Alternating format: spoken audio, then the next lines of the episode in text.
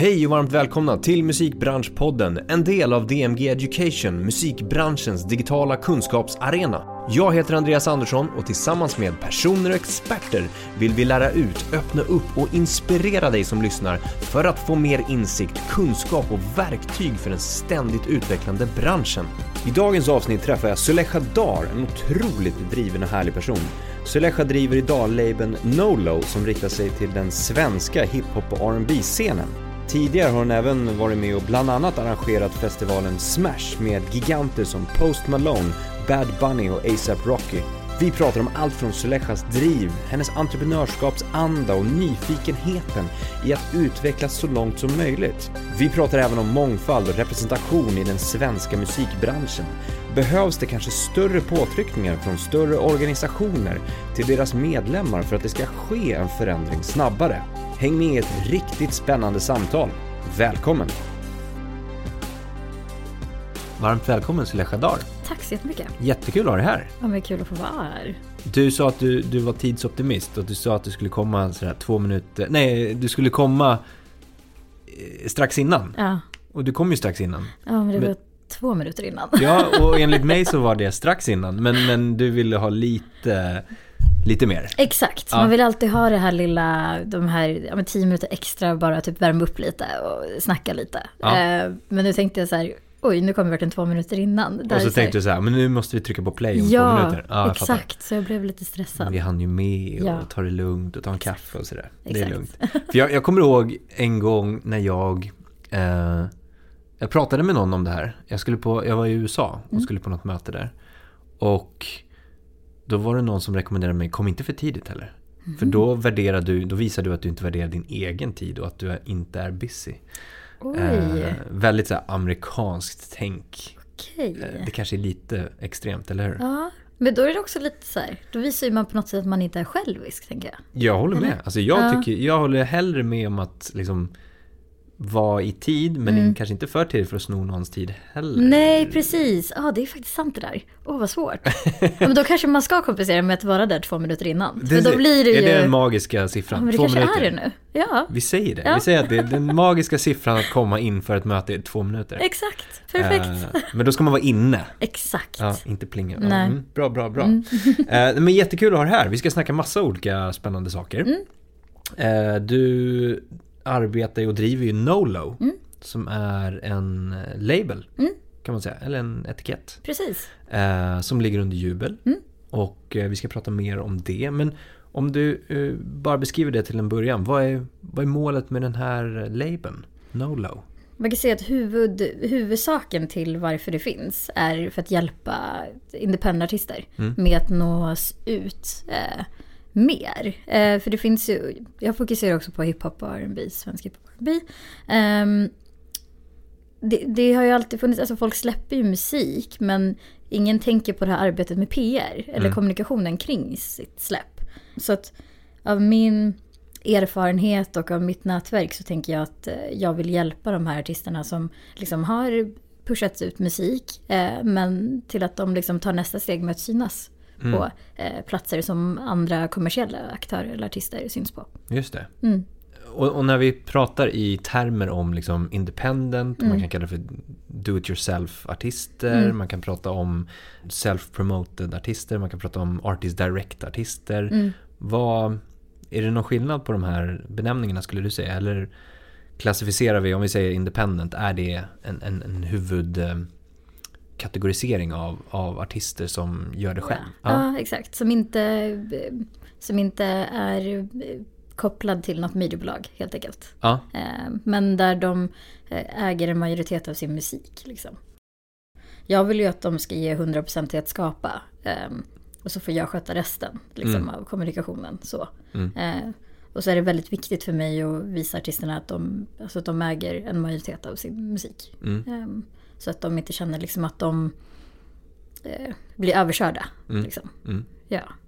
Men eh, vi kommer in lite mer på det där längre fram. Mm. tänker jag mig. Men om vi backar bandet lite, lite grann. Mm. Varför, så här, vad, vart väcktes ditt musikintresse någonstans? Oh, Alltså det, det har alltid funnits där. Okay. Ehm, men det där är, förlåt om jag blir avbruten, Ja. men det är en ganska klassisk, Ja, vet. klassiskt svar. ja. Om vi gräver lite i det, var, var, varför har det alltid funnits där då? Um, alltså jag kan säga att jag växte upp i en familj med vi fem barn. Eh, jag är fjärde, näst yngst. Det är väl typ lite, jag är lite en blandning av så här klassiska mellanbarnet fast ändå inte. Alltså jag, jag eh, lyssnar på allihopa och observerade mycket och var den roliga liksom. Eller är den roliga fortfarande skulle jag säga. eh, nej men som, eh, men så, jag, har väl, jag har alltid gillat musik för att jag brukar alltid, jag, jag var ganska mycket för mig själv hemma när vi var hemma. Och lyssnade väldigt mycket på radio. Eh, och fascinerades väldigt mycket av Energy under den tiden. Och jag gillade alltid sättet som de marknadsförde nästa timme. Så var de så här, nästa timme ska mm, de här låtarna spelas upp. Och jag har ju hört dem innan och jag fick ju liksom, så jag kunde ju sitta verkligen och bara vänta tills de här låtarna skulle spelas upp. Och jag satt liksom och spelade in det på kassettband. Så att jag, ja, jag, jag dog av det liksom. Och sen så var jag väldigt besatt av TRL-programmet på MTV. Just det. MTV överlag var ju liksom min favoritkanal liksom. Och det var, så mitt intresse för att jobba med det väcktes där när jag såg de här eh, programmen. Mm. MTV Making, Making the Band eller eh, Behind the Scenes typ. Eller när de skulle göra Making the Video. Så Mm. att man fick liksom se teamet bakom artisten. Och där väcktes det, för att jag insåg bara, gud just det, det måste ju vara någon som hjälper dem för att de ska hamna eller komma dit de är just nu. Insåg du det Ja, själv? exakt. Så att jag, Men då var du inte gammal eller? Nej, jag var inte gammal alls. Så att jag, för jag tyckte de här personerna, jag tyckte det var mer intressant när de intervjuade människorna som var bakom, alltså Mm. managers och så vidare, snarare än själva artisterna. Okej. Även fast jag gillade att sjunga och dansa så när jag var liten, men jag gillar ju lite det här kontrollbehovet liksom. Ehm, så, för jag kommer ihåg att jag tror jag gick i sjuan eller sexan. Så på SO så frågade vår lärare, eller vi hade en uppgift där vi skulle skriva vad vi ville bli när vi blev stora. Och då skrev jag liksom en, ja men en A4 då var ju, var ju mycket liksom. Men då, då skrev jag mycket om att jag ville jobba med marknadsföring eh, inom musik. Och jobba på de här bolagen som jobbar med det. Det är jättetidigt att tänka i de banorna. Ja, Att du jättetidigt. ens, för vi, vi snackade om det precis innan här, att det inte riktigt i grundskolan finns det tänket att lära ut vad som Exakt. finns bakom musiken. Att det Mm. bara är den frontfiguren som får, får plats. Mm. Så det är ju väldigt ambitiöst att ens tänka. tänka så, så djupt på något sätt. Att det Ja. måste finnas någon bakom där. Verkligen. Eh, men jättehäftigt. Mm. Och du, för du sa det här med eh, kontrollfreaks, eh, Ja. freak kanske man ska kalla det, men kontrollberoendet. ja, exakt. Ja. Kommer det ifrån något, eh, du berättade att du har en eh, föräldrar som är akademisk bakgrund. Mm. Kommer det därifrån tror du? Åh, det måste Struktur det. och- Ja, antar det. Ja. Ehm, jag tror, ja det känns som det. Sen så också det här med att växa upp med många syskon. Eller Ja. för mig är det inte så många, men det, det har också varit lite att vi, vi fick ju lära oss jag lärde mig mycket av de äldre liksom, och har lärt mig mycket. Jag vet inte, jag tror att vi alla har det behovet av att ha lite kontroll och tygla sig. Typ Mm. lite för att vi alla är så olika. Så jag tror det är någonting i familjen faktiskt. Det här med typ så här, följa tider. Mm. Ehm, vi är väldigt så här, artiga, man vet hur man ska bete sig, man vet hur man ska, jag vet inte, man har typ koll på saker och ting. Vi lärde oss det sedan tidigt liksom. Har det gynnat dig för det mesta i din karriär skulle du säga hittills att, att ha den strukturen och kontrollen? Eller kan det i vissa fall vara så att du, har för, du vill ha för mycket kontroll men du egentligen behöver släppa lite? Ja, jag behöver verkligen släppa. Det är så? Okej. Men det är svårt, fast det är, ja, jag gillar ju att kommunicera. Och det Ja. måste man ju göra för att man ska kunna släppa saker också. Mm, Så det, det är väl huvud, huvuduppgiften är ju att ha tydlig kommunikation. precis. Mm. Och, så du, du kommunicerar med dig själv att du behöver jobba på det? Exakt. Och släppa? Ja, snyggt. precis. Kasper som är praktikant hos oss här. Han blev helt lyrisk när eh, han insåg att du var ambassadör för Colors. Mm. Hur, vad, först och främst, vad är det? För den som inte vet. Mm. Och hur landade du, du det? Um, ja, eh, Colors, eh, Color Studios heter de på eh, ja, sociala medier och sådär. Ehm, är en internationell musikplattform. Eller de startade som en, en YouTube-kanal. Ehm, där det är en eh, mick och eh, en färgbakgrund. Eh, väldigt, väldigt simpelt. Och en artist uppträder med, eller spelar in en inspelning av sin musik. Och eh, det, det är väldigt, väldigt, eh, väldigt snyggt estetiskt. Och eh, det är otroligt stort nu. Det är grund, alltså deras studio är i Berlin. Mm. Så att ehm, jag, ja, i och med att jag har jobbat så mycket med musik och jag, jag är själv ett jättestort fan av den eh, plattformen. Eh, så jag tipsade om lite musik som borde vara där. Eller artister som jag jobbar med. Alltså Så här- till dem? Ja, exakt. Pitchade Okej. in lite så här. Så du bara, tjena tjena, Ja, exakt. ni borde göra det här. Precis, och då hörde de i sin tur av sig till mig och bara, ja men tack, eh, alltså, tack så mycket. Vi har faktiskt ett ambassadörsprogram som kommer snart, eller, eller en ansökan. Eh, för att här, Sverige är väldigt intressant, eller Skandinavien överlag, de vi vill ha mer artister därifrån som ska spela här. Eh, så att de var men sök det här, sök den här ambassadörstjänsten om man säger så. Och då tänkte jag, ah, okej men då gör jag det. Och jag var på eh, en av uppgifterna var att vi skulle eh, länka våra privata playlists. Mhm. Så då länkade jag mina Spotify-listor som jag gör själv eh, ganska ofta. Mm. Och eh, de gillade det. så att de sa, vill inte du vara ambassadör hos oss? Och vilket jag var. Så att varje vecka tipsade jag dem om nysläppt svensk musik. Ehm, jag skrev om det på deras hemsida också. Och eh, så pitchade jag även musik till deras live-session. Okej. Ehm, vilket var jätteroligt. Det är jättecoolt. Ja, jättehäftigt. Känner du att det har liksom hjälpt dig framåt också på något sätt? Eller har, har det liksom gett dig någonting annat än att bli associerad med det? Ehm, ja, men det har hjälpt mig att jag... Alltså jag har ju alltid lyssnat på musik och jag gillar alltid att upptäcka nytt. Mm. Men det har också hjälpt mig att uppskatta musik som skapas här. Mm. Så jag tror, jag tror att det är där mitt, eh, mitt intresse för att liksom uppskatta det som händer här också, mer än det internationella. Alltså det, det, den plattformen har också hjälpt mig att lyssna på annan musik från andra länder utan att kunna språket. Ehm, så att det har verkligen, vi har verkligen öppnat upp ögonen för all typ av musik. Mm. Ehm, och skandinavisk musik, alltså det som händer i Norge och Danmark är också superintressant. Uh, det hamnade i väldigt bra, liksom, har fått en väldigt bra relation till hon som var eh, ambassadör i Danmark. Mm. Eh, så att jag ser vad hon jobbar med och hon ser vad jag jobbar med. Så att Mm. jag tror att det verkligen har hjälpt en att eh, eh, uppskatta eller att lyssna på nytt. Och inte ha några förutfattade Mm. meningar liksom. Har det hjälpt också att få liksom som en boost att säga, det du lyssnar på, det du tycker är bra, Mm. du har något slags öra, du har något liksom, Mm. något öra för trender eller för vad som är hett, vad som är bra, vad som går, vad som funkar. Absolut. Eh, Det har det. Det har faktiskt hjälpt mig väldigt mycket. Och jag tror också så här, i och med att sättet hur jag fick det var för att visa vem jag är och vad jag lyssnar på. Jag tror att det också gav mig en confident boost om att typ det jag lyssnar på inte är dåligt. Eller, Exakt, ja. eller, här, eller att de förstår att jag också lyssnar på allt. Mm. Um, alltså de flesta är liksom så här, Va? Varför, hur fick du det liksom? Alltså jag tycker inte att man, folk ska vara typ avundsjuk eller sådär, utan snarare så här, jag hoppas att det här lyfter upp ett intresse hos andra att de ska våga söka ja, eh, till sådana här stora plattformar också. Och Exakt. säga liksom, hej det här är jag, typ, jag gillar det här och typ, ja men våga gör det. Mm. För då kommer vi tillbaka till det jag sa i början, det här att jag vill inte vara 80 år gammal och tänka, "Åh, varför gjorde inte jag det här? exakt. Ehm, så jag är faktiskt jätteglad att jag reached out till dem och att det blev som det blev. Mm. Eh, så att, eh, det är faktiskt ett tips till alla. Våga, våga sök. Och eh, tänk inte att eh, något är för stort för dig. Liksom. Du har gjort otroligt mycket, måste jag ändå säga, för att eh, vara ändå rätt ung. Eh, du har gjort väldigt mycket saker sedan tidigare. Du har jobbat eh, och drivit festivaler. Mm. Alltså Smash är ju en som vi ska gå in på. Mm. Gården Mm. är också en annan. Du har Mm. arbetat på Wow Dad. Precis. Och du har även pluggat. Och du, nu driver du det här label. Det är väldigt mycket saker du har hunnit med. Mm.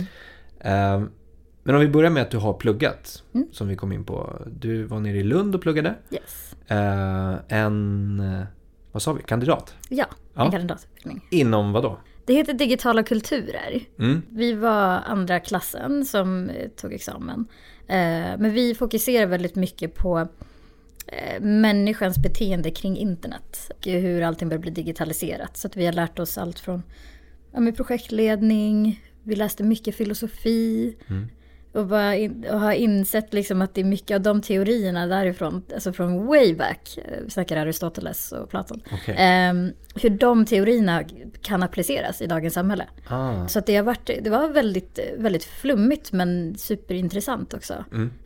Vi hade liksom bara eh, hemtentor till exempel. Mm. Eh, för att det ökar ens koncentration på ett annat sätt. Eh, man läser mycket böcker och eh, vet hur man ska använda de här teorierna liksom i, praktiskt, eh, i det praktiska. Okej. Och så hade vi också praktik i tio veckor, vilket var jättekul. Ja, så det var liksom inte bara ämnesmässigt vad ni studerade utan hur ni studerade också som, som var en del av utbildningen. Precis, Ja. exakt. Känner du att det här har gett dig ett försprång på något sätt i din karriär nu?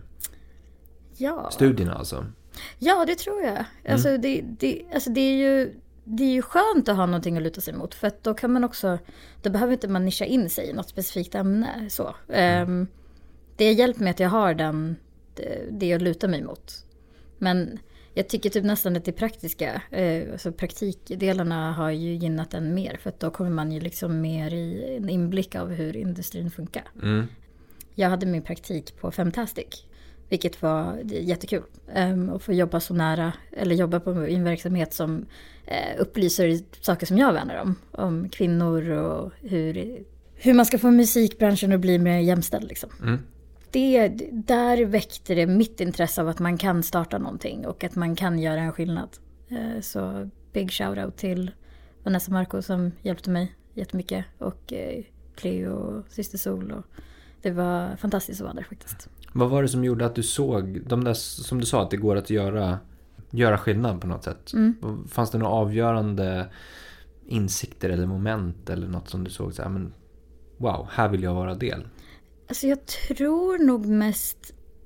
Jag förstod ju då hur branschen såg ut av att jag var där. Eh, för man har ju alltid en bild av att det är fantastiskt. Och, det är, och att det är supersvårt att komma in, att det är lite elitistiskt på något sätt. Men eh, det, det lyfte upp mitt intresse av att eh, om man har en vilja och om man har en tydlig plan om vad man vill uppnå så kan man göra det. Eh, jag, jag, blev jag blev jätteinspirerad av att vara där. Mm. Under studierna så var det inte bara att du pluggade utan du gjorde ju andra saker också. Radio, som du nämnde till exempel. Mm. Exakt. Eh, och evenemang, alltså studentevenemang. Afton, ja, Ja. precis. Ja. Hur, hur kommer det sig här? Och, och, och vad var det som gjorde att du tog beslutet att du ville göra det också? Ehm, vi hade väldigt mycket fritid. Eh, vi hade väl två, max tre dagar i skolan. I veckan liksom. Så att vi hade väldigt mycket fritid. Jag började ändå plugga när jag var 24 så att jag kände liksom att jag har haft det roliga tidigare. Och nu vill jag bara passa på att fortsätta utvecklas som person och verkligen komma insikt med vad jag vill göra. Så att jag, jag testar mig fram. Ehm, och då gjorde jag det med att, att jag började på studentradion, Radio AF. Där jag sände två program eh, tillsammans med vänner som jag lärde känna där på radion. Eh, det, det, var väldigt, det var väldigt kul och gynnsamt. Jag kommer ihåg min första intervju som jag fick göra var med Timbuktu. Mhm. Eh, när han spelade på vet du, karnevalen, eller karneval ja, i Lund. Eh, En händelse som hände var fjärde år. Och det var liksom min första intervju och eh, han berättade att han också varit aktiv där eh, på, på Radio AF. Eh, han gav mig tips efteråt på vad, hur man ska tänka när man intervjuar och så. Och det var, det var väldigt häftigt och nice att kunna sitta och ha liksom ett, eh, en konversation med en person som man själv lyssnar på. Ja. Och det var ju där jag insåg också bara, men gud, artister är bara människor verkligen. Så här, Fantastiskt att få bara prata och höra. Ehm, och eh, sen så, ja men sen fick vi intervjua massa ur det och fick ändå typ Men det, ja, där insåg jag att okej, ja, nu kommer jag i, så här, nu, nu börjar jag förstå ännu mer av industrin. Sen så höll jag på med studentafton, eh, vilket var ett utskott där vi bjöd in massa gäster och där fick jag vara PR-ansvarig.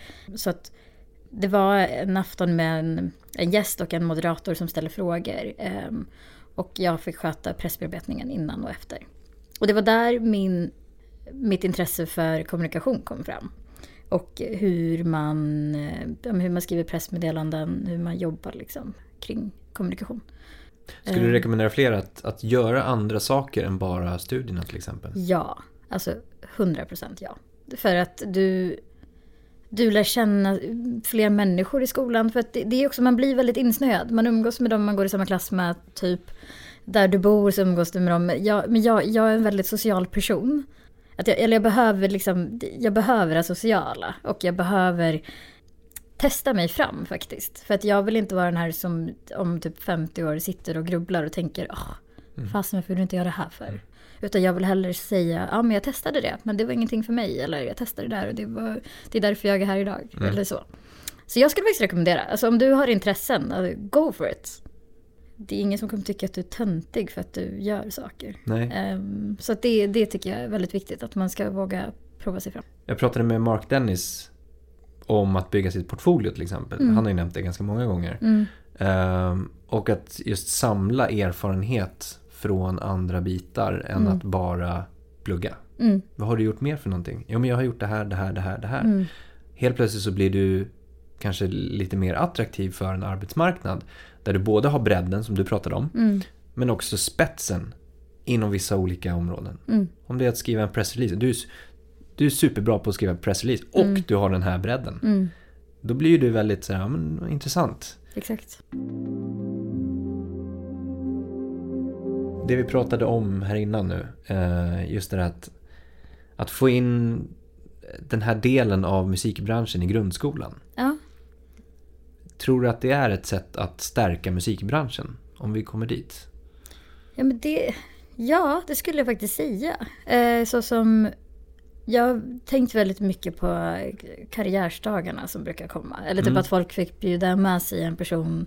Eller jag vet inte, alltså jag tänker på allt.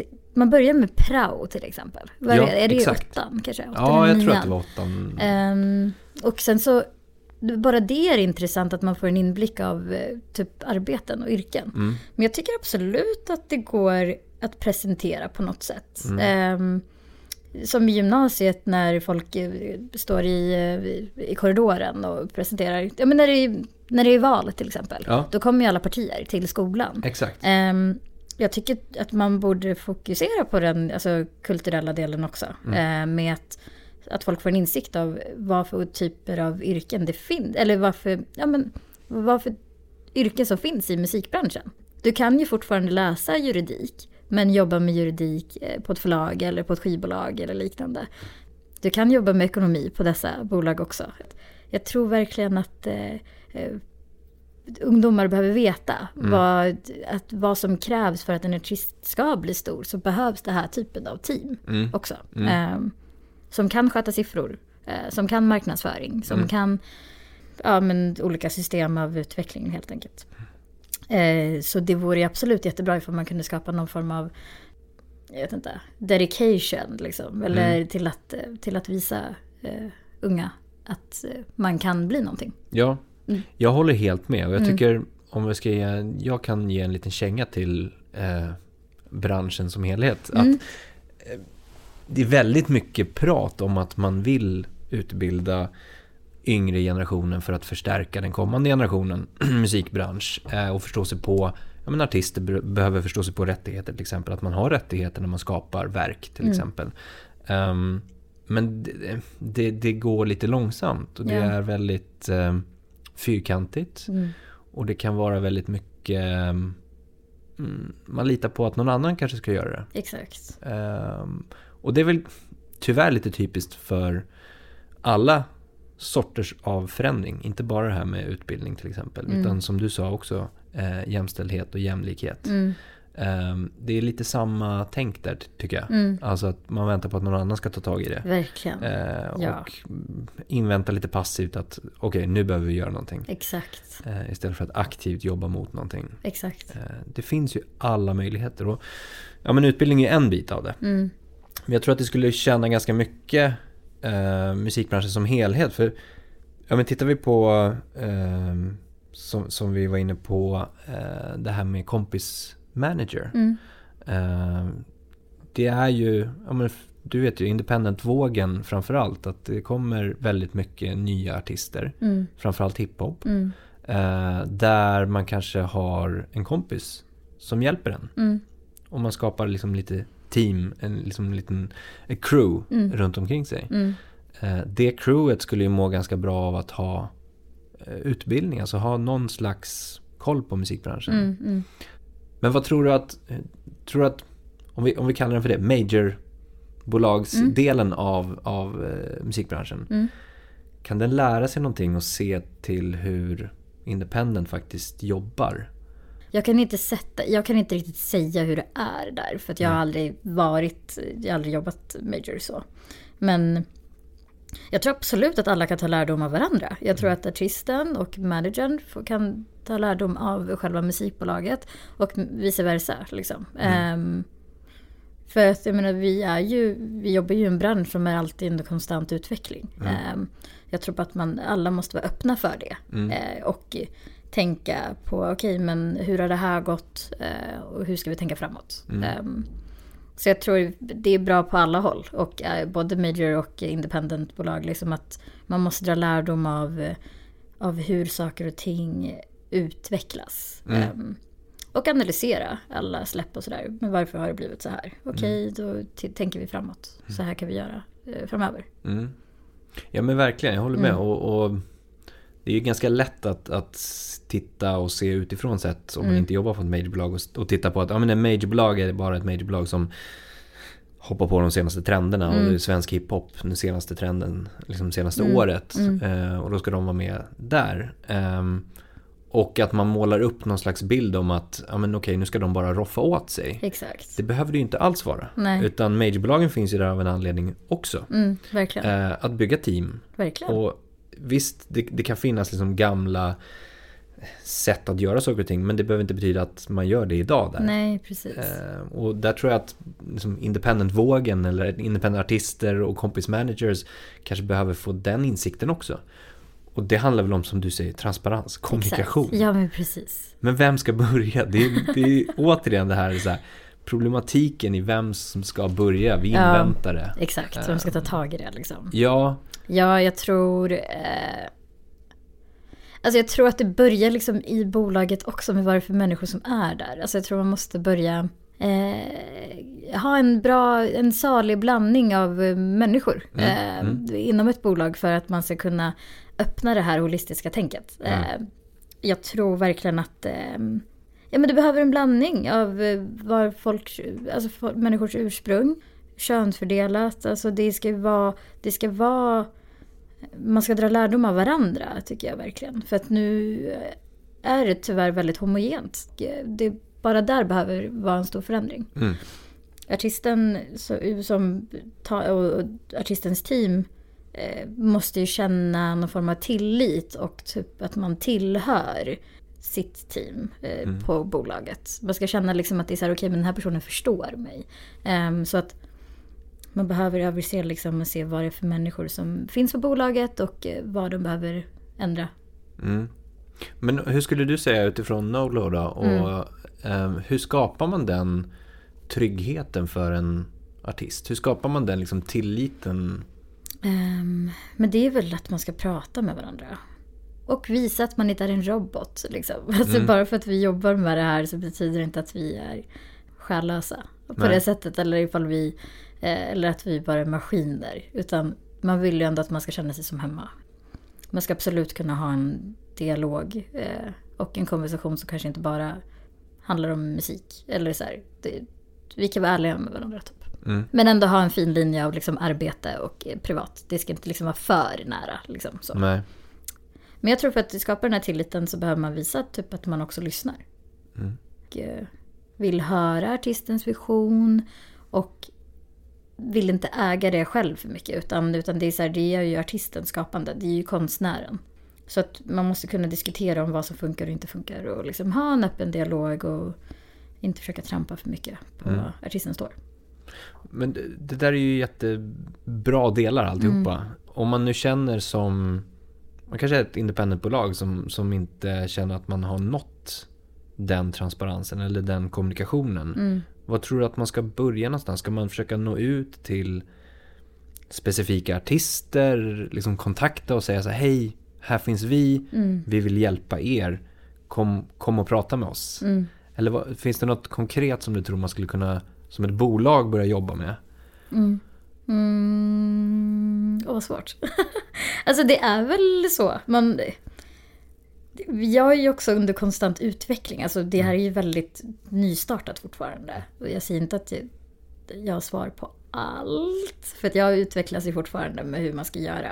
Eh, men eh, det handlar väl bara om att man ska, man ska väl nå ut till, till artister och så. Och sen så får man se vart man landar. Eh, Ibland så kan ju en, en diskussion eh, leda till att artisten vill ha något som inte jag kan erbjuda kanske. Eh, men då kan jag slussa den till en, annan person inom branschen som kanske funkar där. Så här, det är mycket word of mouth. Ja men alltså, Jag, jag, jag, tror att det handlar väldigt mycket om att folk, alltså saker och ting sprids väldigt fort. Så att Sverige är ju en väldigt stor musikexportör, alltså vi, har, vi skapar ju extremt mycket här. Ehm, men alla vet ju om allt som händer, eh, vilket är väldigt tacksamt och kul.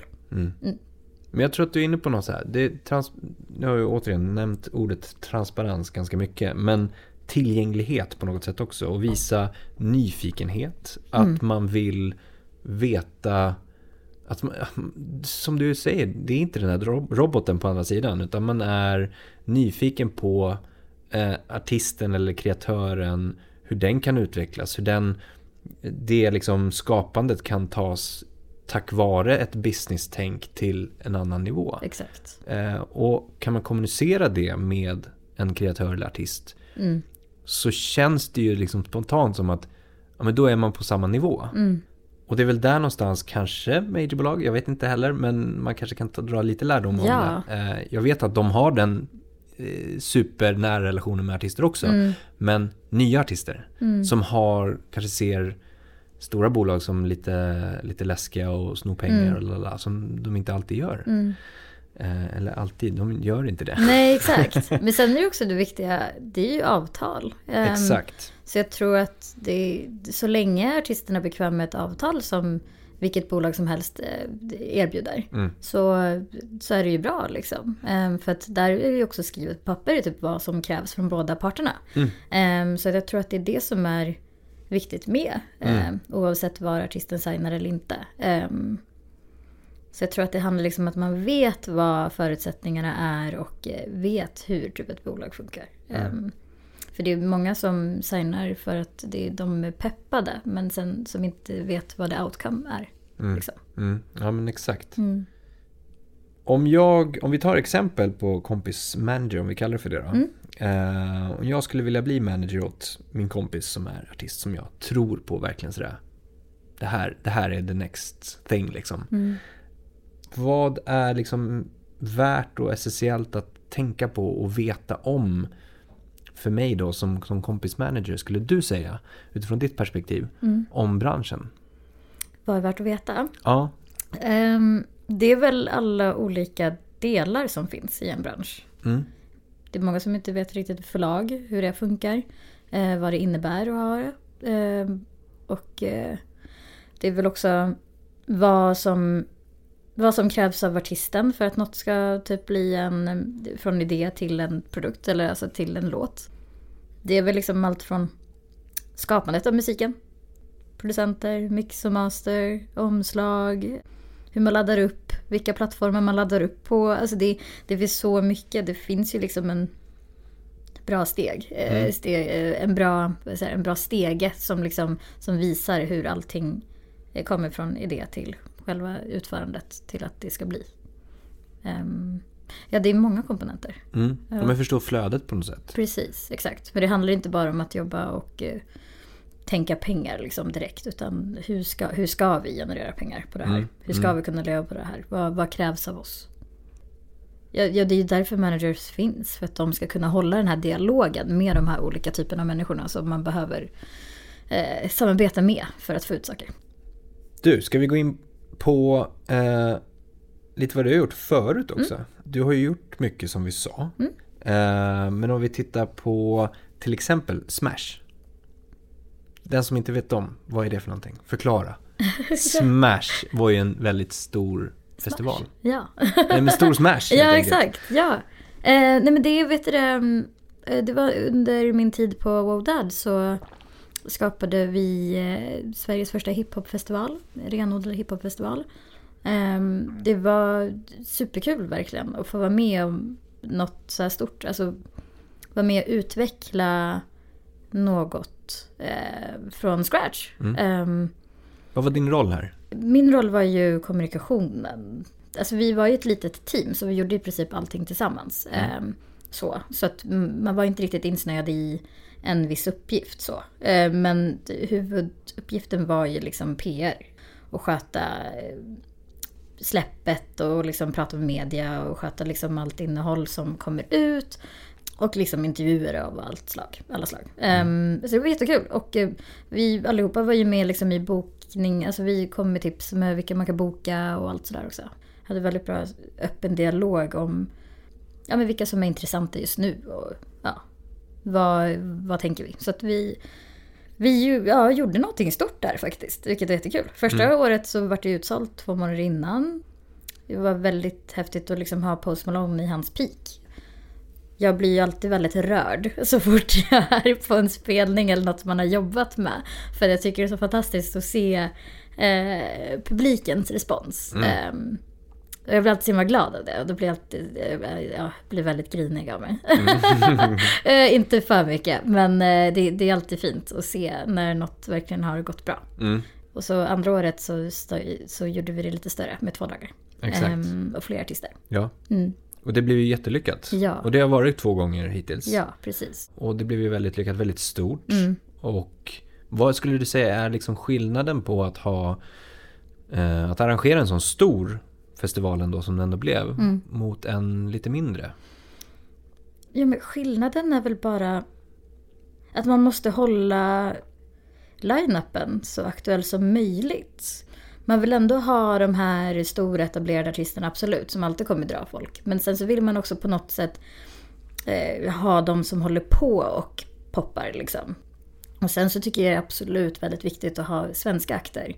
Vi har ju alltid haft en tendens, eller alltså alla har ju alltid haft en tendens, när de bokar så tänker man bara internationella artister. Men vi sitter på så mycket talanger här i Sverige att vi inte kan, vi kan inte, inte se dem. Eh, och vi måste ge dem möjligheten till att stå på samma scen som de här stora etablerade. För att eh, det var ju jättehäftigt liksom. Det var ju ZE, Einar och Cuz som eh, vet du, representerade Sverige.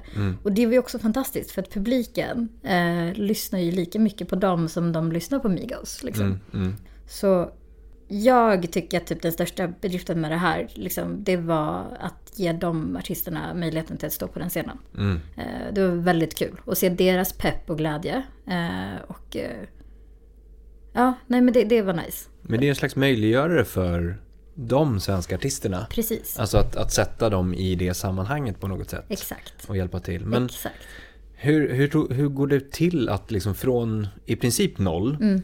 Eh, festivalen hade inte funnits tidigare, det fanns liksom ingen historik. En del festivaler börjar ju ändå med så ja, men 100 personer i publiken Mm. och 200 och sen avslutar 10 år senare med 10 000. Men, men ni gjorde ju inte det utan ni gick på the big smash på en gång så att Exakt. säga.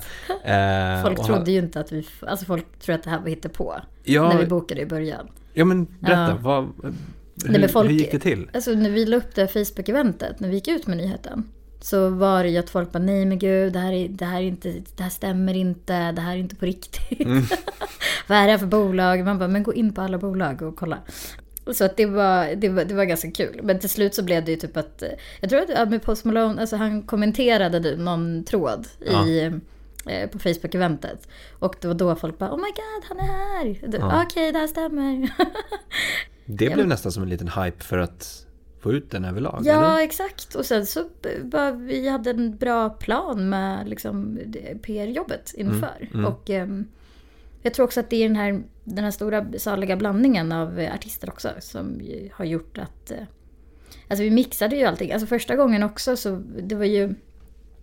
Det var ju också nice det här med att vi blandade amerikan- alltså internationellt med svensk musik. För att då var det liksom Post Malone och Lil Pump och så var det Sherry, Mapei och Jelassi. Och det gillar jag också liksom att det är så här...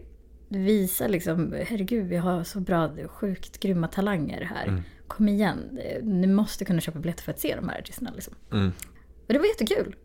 Jätteroligt att bara se det. Så jag tror att det var, det, det var liksom en, en bra salig blandning av biljettköpare Mm. som lyssnar på någon, kanske en eller kanske på två av de här fem. Men sen så har man också lärt sig Sen har man kanske fått ett intresse för en annan artist som står på den här scenen också som man inte ens har tänkt på, som man kan lyssna på. Mm.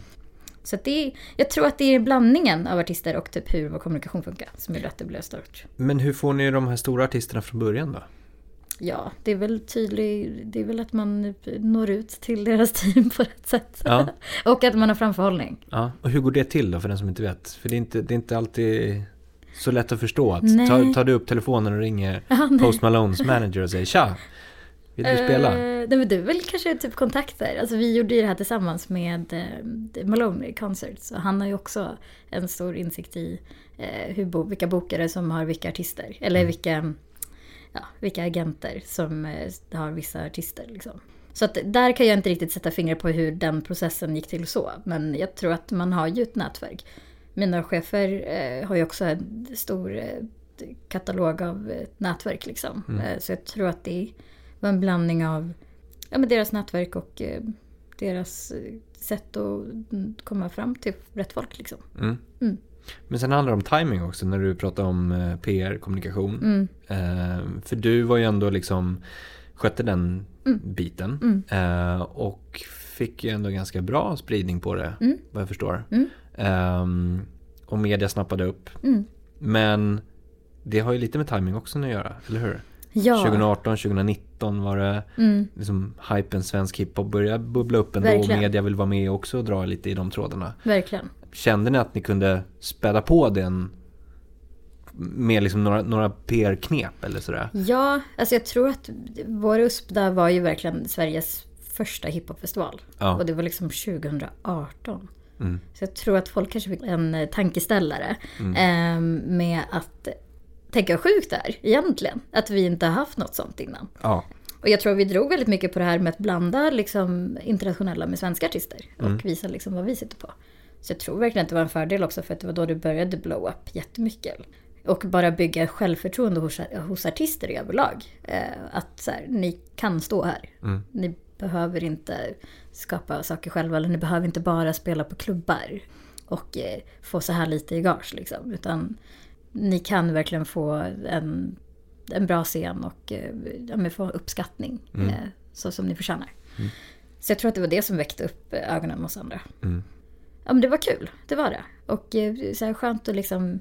För att det är ingen annan som har gjort något sånt innan. Nej. Så att, det- och det blev verkligen ett namn. Så nu är det ju liksom när man säger Smash i fortsättning, folk är verkligen så här eh, supertaggade. Och bara Mm. jag var där och ja, vad kul. Det är ju riktigt fett. Eh, men det är snart två år sedan. Mm. 2019 som den, den senaste var då. Ja, helt sjukt. Eh, det går ju väldigt snabbt. Ja. Men, men eh, ändå så har vi sett att liksom, ja, men svenska hiphopvågen har ju ökat, ökat, ökat. Mm.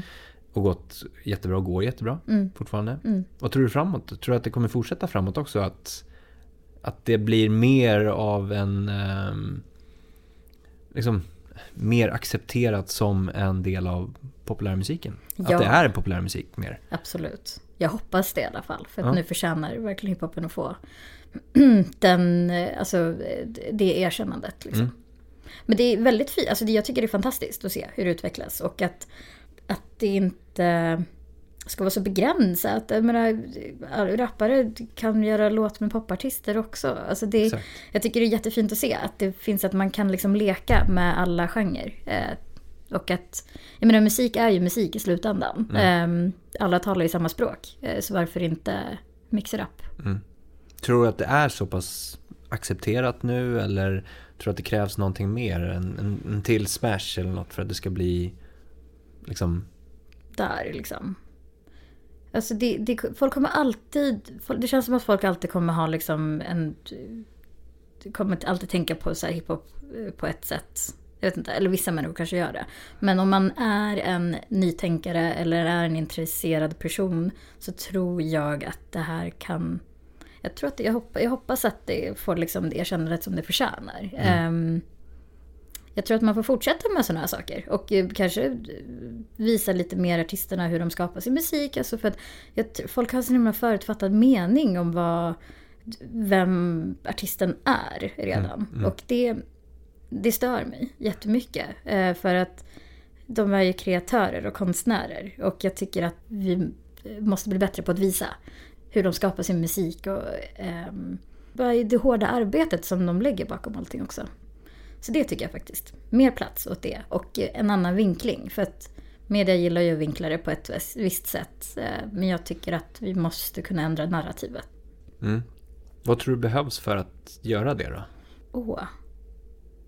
Alltså det, det jag tycker är fantastiskt är att i och med att media har varit vinklade på ett visst sätt så har ju folk skapat sina egna plattformar. Mm. Um, där man hyllar musiken. Um, så jag tycker, jag tycker att man ska fortsätta peppa de här plattformarna som utvecklas och eh, ge dem en stor plats. Och visa att... Eh, ja, men så att ja, för, jag tror det handlar om det. Lyfta upp alla som, är, som, som hejar på det. Mm, liksom. Mm, mm. Och sen se vad man kan göra tillsammans faktiskt. Mm, mm. mm helt rätt. Tror du vi får se någon mer Smash? Jag vet faktiskt inte. Det är faktiskt ingen aning om. det, får ni fråga. det där sa du faktiskt på riktigt som att du menade det. Och, så att jag tror dig. Man skulle kunna tro att så här, ja, men, mm, alltså, hon jag, kanske jag, har något i... Jag hoppas, alltså jag hoppas att de gör det. Ja. Alltså för att de... Det var ju, det var ju fantastiskt. Mm. Så att det är jättekul att få komma dit som gäst nästa gång. Alltså mm. bara och se det. Det är väldigt kul. Vi behöver det. Vi behöver verkligen det. Håller med. Mm. Du, när man sitter och lyssnar på dig här så, så är det något som är sådär entreprenörskapsdrivet eh, i botten av allt du pratar kring nästan? Mm. Hos dig mm. som person. Vad, det här drivet, vad, vad, vart hittar du det? Åh. Oh. Jag, vet inte faktiskt. Eller jo. Oh, mina föräldrar hatar alltid när jag säger jag vet inte till saker. De bara jo, du har ett svar till allt. Okej, okay, eh, så jo men det, drivet har väl alltid kommit till att jag är alltid intresserad av att lära mig saker mer. Eh, drivet till att jag vill skapa saker har väl alltid funnits där. Så varför inte alltså, använda min kunskap och min nyfikenhet eh, till att få saker att bli gjorda. Typ. Mm. Eh, så jag tror...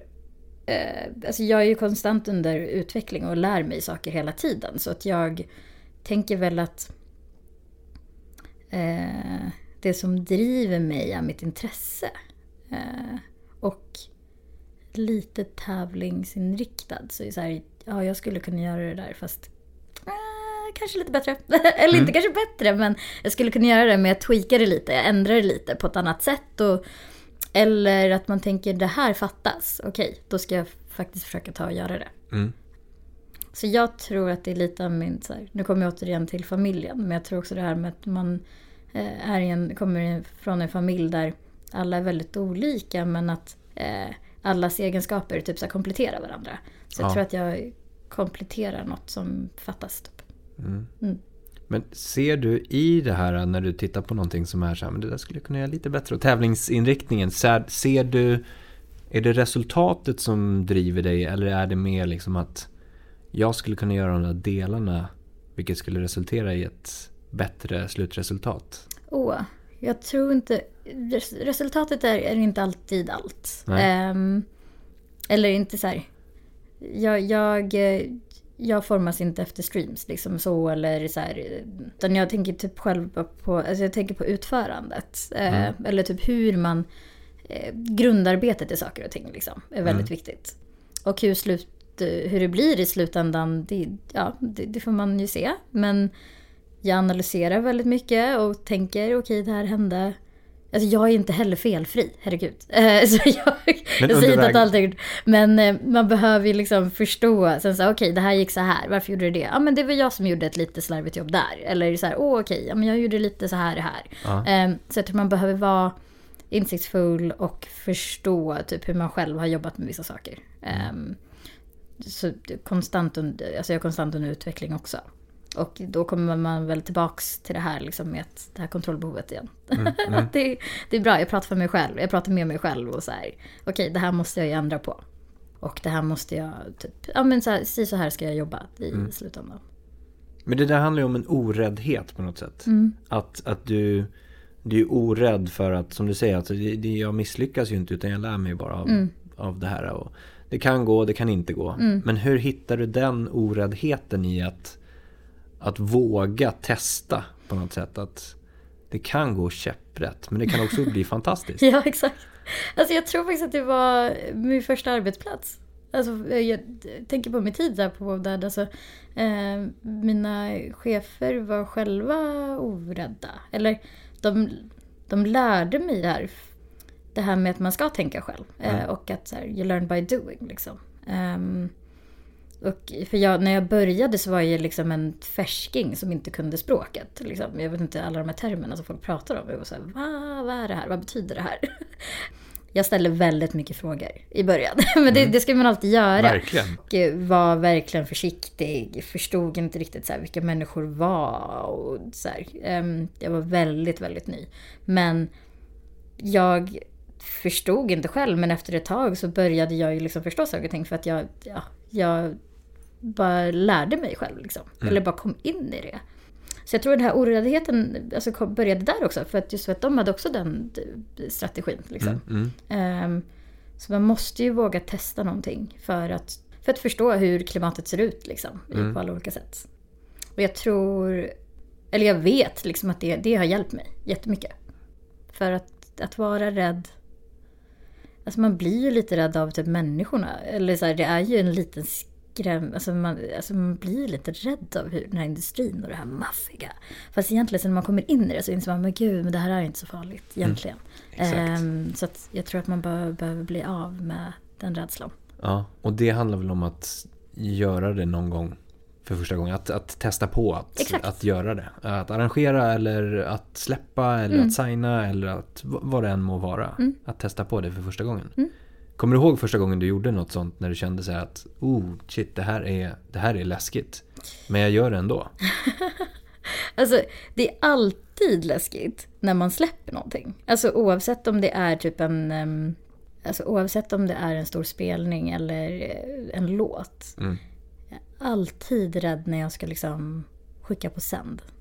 För då är det så här, pulsen bara... För då, då, nu, nu är det out there liksom. Mm. För det är väl det som är med den här industrin. Alltså allting som du gör syns. Du kommer inte komma undan med något. Och då måste man ju göra det bra. Mm. Och jag tycker också att det är nice att jag, att jag fortfarande blir så, så här, nervös. För att då betyder det att jag brinner för det jag jobbar med. Exakt, och att du bryr dig. Ehm, Ja, så Mm. man kommer väl alltid vara nervös tänker jag. Mm. Den för- dagen du inte känner nervositeten, då är det dags att lägga av. Ja men exakt, då är det dags, så, då är det dags att lämna. Ja. Eh, du har ju gjort mycket live, Mm. som vi var inne på. Ja, Eh, däremot det senaste året har det inte varit så mycket live nej, på grund av pandemin. exakt. Eh, förklarliga skäl 2020. Ja. Jubel, jag pratade ju med Erik för några Mm. veckor sedan också. Eh, ni har gjort väldigt mycket digitala events och sådär och fått en Exakt. skjuts. Men det känns ju som att det lite har lagt sig nu. Nu är vi inne i en bit in i 2021. Mm. Det börjar lägga sig lite grann och kanske inte är liksom hypens hype längre. Vad tror du om digitala events framåt nu då? När vi ändå kanske börjar se rik- riktiga inom citationstecken eh, live-arrangemang komma igång förhoppningsvis då Mm, till sommaren och Mm. kanske till hösten 2021. mm. Vad tror du om digitala events framåt? Alltså jag, jag tror ju att folk, folk blev verkligen mätta förra året. Men jag tror nu att folk måste, för att de hade förhoppningar med att allt skulle öpp- öppnas upp det här året. Men jag tror att folk måste komma insikt med att det inte kommer ske, eller jag vet inte, inte de stora måtten i alla fall. Nej. Vi får se hur det blir med vaccinet och så vidare. Mm. Men jag tror att folk måste förstå att det behövs. Um, om man vill Alltså se... de digitala Ja, precis. eventen, Om ja. folk vill lyssna eller se sin, sin favoritartist göra något. Eller uppträda så måste de ju ta till sig av de här digitala. Men jag tror att, jag tror att man måste tänka nytt. Eh, Mm. Folk kör ju alltid typ under så här. Det är nästan, det, allt ser nästan likadant ut. Ja, Så jag tror att man får satsa mer på um, att eh, göra innehållet mer intressant. just det. Ehm, och kanske något som verkligen lockar ögat på ett annat sätt. Okej, så mer liksom Ehm. fokusproduktion. Ja, exakt. Och kanske mixa ihop liksom musik med någonting annat. Mm. Eh, så att det blir någon form av så här, en blandning av olika saker. Mm. Ehm, men jag, tror, jag hoppas på det. Jag tror det kommer utvecklas Mm. ganska bra. För det vi har sett, om man tittar lite grann som det har varit, så har ju eh, alltså digitala events har ju liksom konkurrerat med on-demand innehåll. Allt från liksom Netflix, HBO och liksom hela den biten. Mm. Men om man tittar på vad ni gjorde ändå eh, under 2020 Mm. så hittade ni någon slags USP som kändes lite särskilt. Mm. Vad, vad, vad skulle du säga, vad, vad, var, vad, vad var den USPen? Vad, hur gjorde ni? Ja men allt hände ju, allt hände ju verkligen så snabbt. Vi var väl de första som gjorde något så Mm, eh, med Låt Leva, vilket var jättekul också. Ehm, vi gjorde det främst för artisterna snarare än vårt varumärke. Ehm, så vi blandade ihop den musik med eh, programledare. Ehm, och eh, hade liksom en soffa där man fick eh, också lära känna artisterna. Eh, vilket jag tycker är jättekul, för det vill man ju veta mer om. Så det, det, jag tycker verkligen att vi, vi skapade det här liksom hemma hos-känslan. Så att man liksom tittar på ett program där det känns verkligen som att man har dem i sitt vardagsrum. eh, För att det var så avslappnat. Det är inte så här pretto eller liksom... Utan det var... Nej, jag tyckte det var jättekul faktiskt. Och det visar också på att vi som är ett så... Vi är också ett litet team, men så unga och skarpa och duktiga. Och, ja, sjukt bra, sjukt bra jobbat liksom bakom scenen. Eh, måste verkligen ge den elogen till mina kollegor. Och Erik som liksom alla var lika peppade. Så att jag tror att vi liksom skapade någonting för alla. Och det här också med att vi blandade innehållet. Alltså verkligen att alla artister, alltså vi eh, fokuserade på alla genrer och inte bara på ett. Liksom. Och gav både etablerade artister och up and coming artister och folk som knappt har släppt musik liksom, chansen att spela live. Exakt. För att eh, live är så himla viktigt för artister och de måste kunna få ut sin konst på något sätt. Liksom. Mm. Men vad tror du blir skillnaden liksom live-events, dig- digitala live-events Mm. eller inspelade live digitala events? Förstår du vad jag menar? Att, att du kan fortfarande spela in det livemässigt men det kan sändas Mm. senare. Exakt. Och, och, och mer på tittarens villkor. Liksom. Att, nej men jag hinner inte just nu men jag kollar det ikväll. Mm. Eh, att du inte behöver sitta under de där två timmarna eller tre timmarna Ja, på ett live-event. För att det kommer utvecklas också. Alltså det är där någonstans du konkurrerar då med, Exakt. med on-demand Ja, också. precis. Ehm, Åh, intressant. och att det inte riktigt blir, liksom, om du ska ha den möjligheten att du kan Ja. titta på det i efterhand. Mm. Då, då, då får du ju fortfarande kanske samma känsla av att det är live när du tittar på det. Exakt. Eh, även om det är inspelat. Ja. Även om man kanske vill hålla den liksom, exklusiva delen av att det faktiskt är live och du behöver titta mellan de här tidpunkterna. Mm. För att det sänds inte annars. ja, då kanske man ska göra det mer exklusivt. Alltså att själva under, under själva livesändningen som man ser. Ja, Eh, Då får du se den i sin helhet. Mm. Eh, Men sen om det ska klippas och sändas i efterhand. Då får det bara vara vissa klipp som syns. Ehm, exakt. Man får försöka göra det så exklusivt som möjligt så att folk inte får snusa på det helt Ja, enkelt. ja. För du behöver ju skapa någon slags hype att det är då det händer. Exakt, precis. Vilket kan vara svårt när det är digitalt. Ja. Faktiskt. Ja men faktiskt skapa någon form av så här FOMO. Mm, ja. Ehm, så här, du var inte där, tyvärr. Mm, Då har du missat det. För det är väl det Eh. vanligaste tänker jag mig. Jag har varit på lite olika så här föreläsningar och senar- eh, seminarier och sånt där. Och, och allt spelas in och du får en länk i efterhand. Exakt. Vi har gjort samma sak Ja. med våra webbinarier. Vi har gjort samma sak med testa på-lektioner. Det spelas in, du kan få en länk i efterhand. Mm. Eh, men det är vissa moment som du sa kanske inte kan ta del av just då. Ja, för att alltså, när man tänker efter. Eller det är väl klart, alltså när man är på en konsert. Mm. Man, alltså när jag, när jag missade, alltså jag har ju gått på så mycket spelningar, alltså det är helt sjukt. Jag hade en sån FOMO om jag missade något. Och det kunde man aldrig se i efterhand, så då var man tvungen att kolla på YouTube och hitta så här hackiga vid, mobiltelefonvideos liksom. Exakt. Eh, men eh, så att du fick aldrig den här känslan av hur scenen såg ut, hur det var, hur stämningen var liksom. Så att varför inte göra det med de här live-eventen då? Mm, alltså mm. för då får ju folk känna att det är en FOMO att de har missat hela grejen. Precis. Tyvärr. Så här, vi, Du får hålla koll när nästa är, om det blir någon. Mm.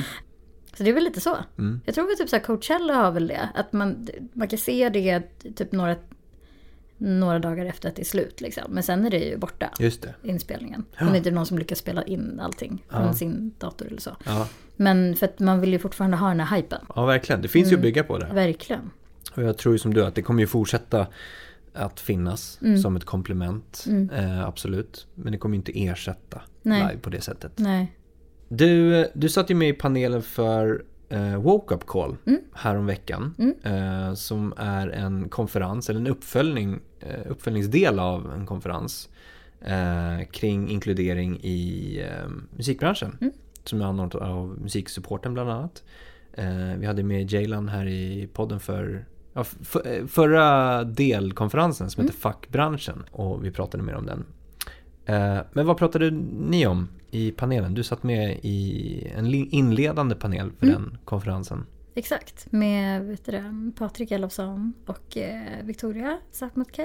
Precis. Och vi, vet du mm, vi pratade om eh, inkludering och eh, antirasism. Eller strukturell rasism i industrin. Ja men hur det ser ut och vad, vad har hänt det senaste året. Speciellt efter att eh, Black Lives Matter-rörelsen eh, fick en så pass... eh, bara har blivit större rent globalt. Ehm, Folk har väl börjat inse att det, det sker här också. Så att vi, vi pratade, ja vi diskuterade allt inom det och vad, Mm. vad man kan göra och vad man har gjort. Mm. Väldigt bra initiativ av musiksporten faktiskt. Mm. Eh, väldigt intressant eh, dag med olika samtal. Som man måste våga lyfta fram. Ja. Det är väl också ett sätt eh, under den här tiden nu när alla jobbar hemifrån och när man inte riktigt är i det här eh, Alltså man är inte ute och går lika mycket som man brukar göra annars. Träffa alla människor som man brukar göra. För att då har man alltid haft en liten insikt man har inte tid att lära sig saker. Mm.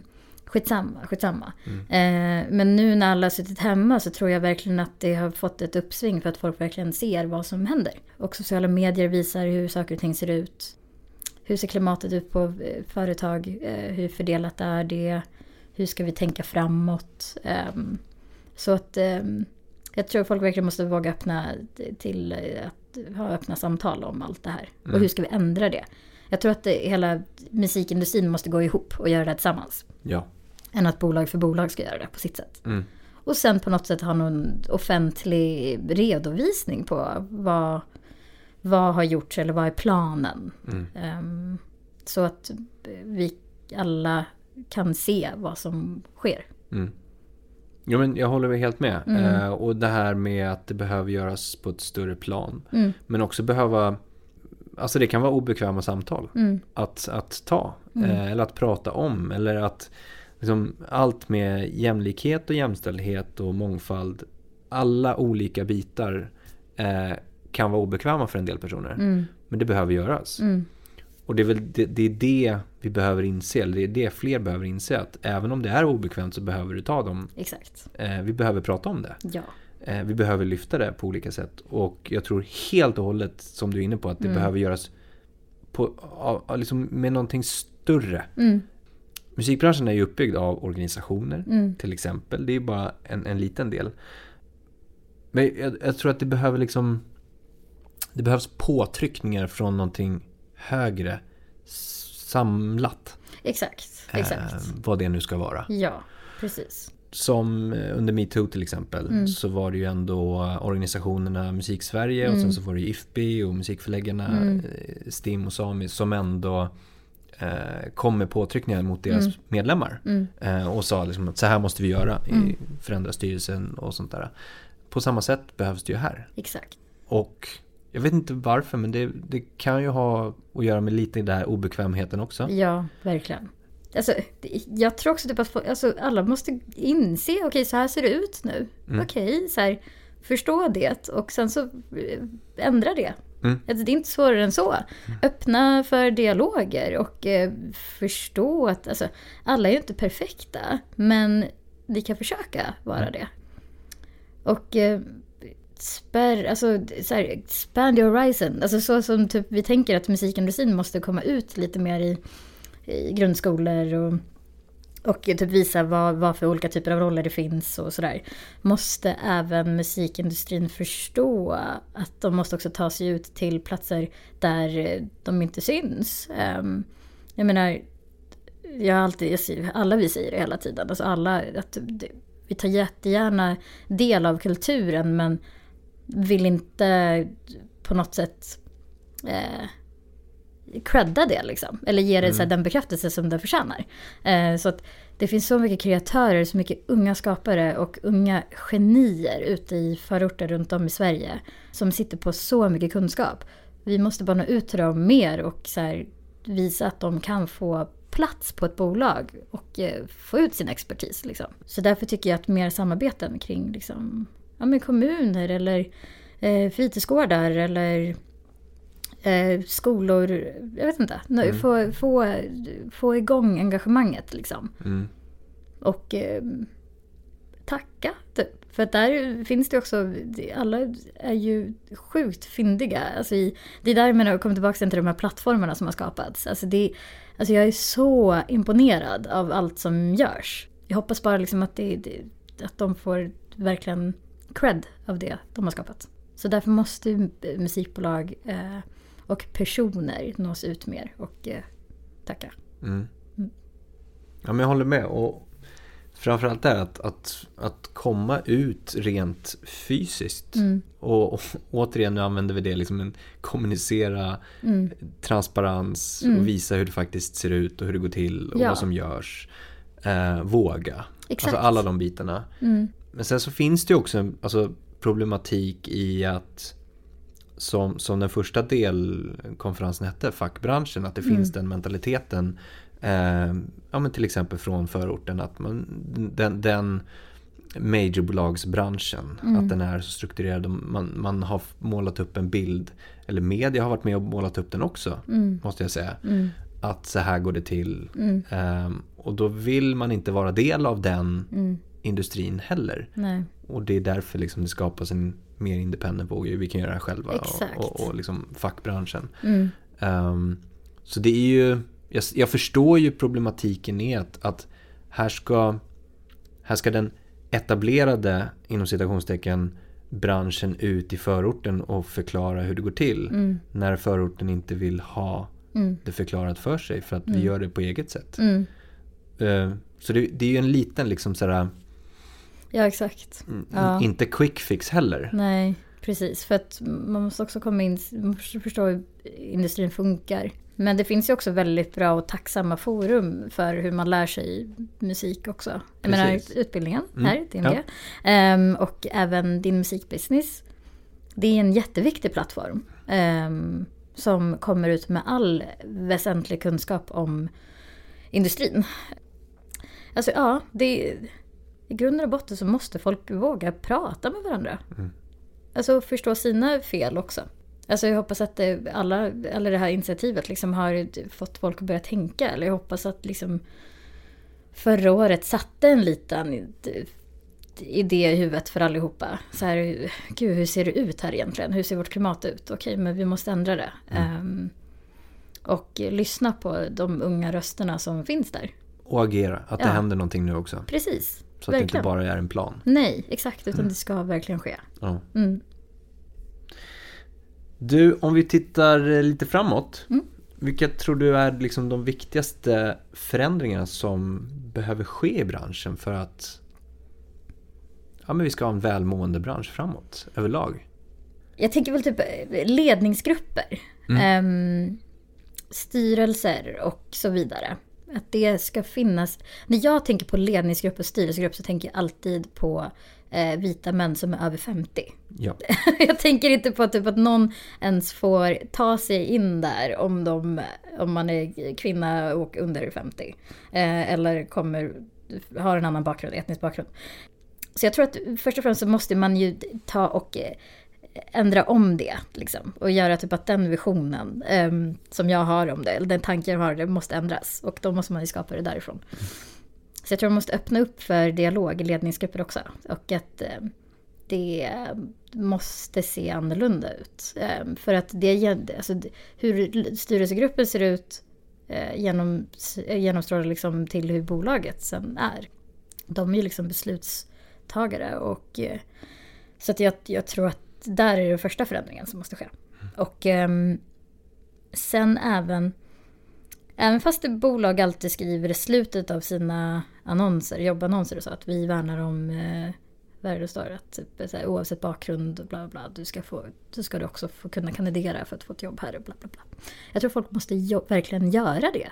Och verkligen se procentuellt också, typ och se hur landskapet ser ut på företaget. Mm. Så man måste verkligen ta till sig den punkten. Skriv inte bara det för att det ska vara så, utan gör det på riktigt. Du, en avslutande fråga. Mm. Vem skulle du vilja se i podden framåt? Åh! ehm, jag skulle jättegärna vilja se Ludvig Göransson. Okej. ja. Ja, alltså jag tycker han är jättehäftig. Han Ja. är verkligen en eh, klar eh, ikon, tycker jag. I sån ung ålder. ja. Ja, Jag har faktiskt eh, tänkt ja. på honom. Vi Ja, får men se han- om det kan ske. Ah, det hade varit fantastiskt. Ja, han är grym. Suleja, Mm. jättestort tack för att du ville ta dig tid och vara med i podden. Ja, Men tack själv. Lycka till framåt. Tack så mycket. Tack. Tack för att ni är så många som lyssnar på podden. Det är ni som gör att vi kan fortsätta. Prenumererar du inte på podden så är det ju faktiskt hög tid att du klickar på den där lilla knappen nu. Och för ännu mer kunskap, gå in och registrera dig för kunskapsbrevet på vår hemsida dmgeducation.se. Det är inget spam, det är bara kunskap. Ta hand om er där ute så hörs vi igen nästa avsnitt.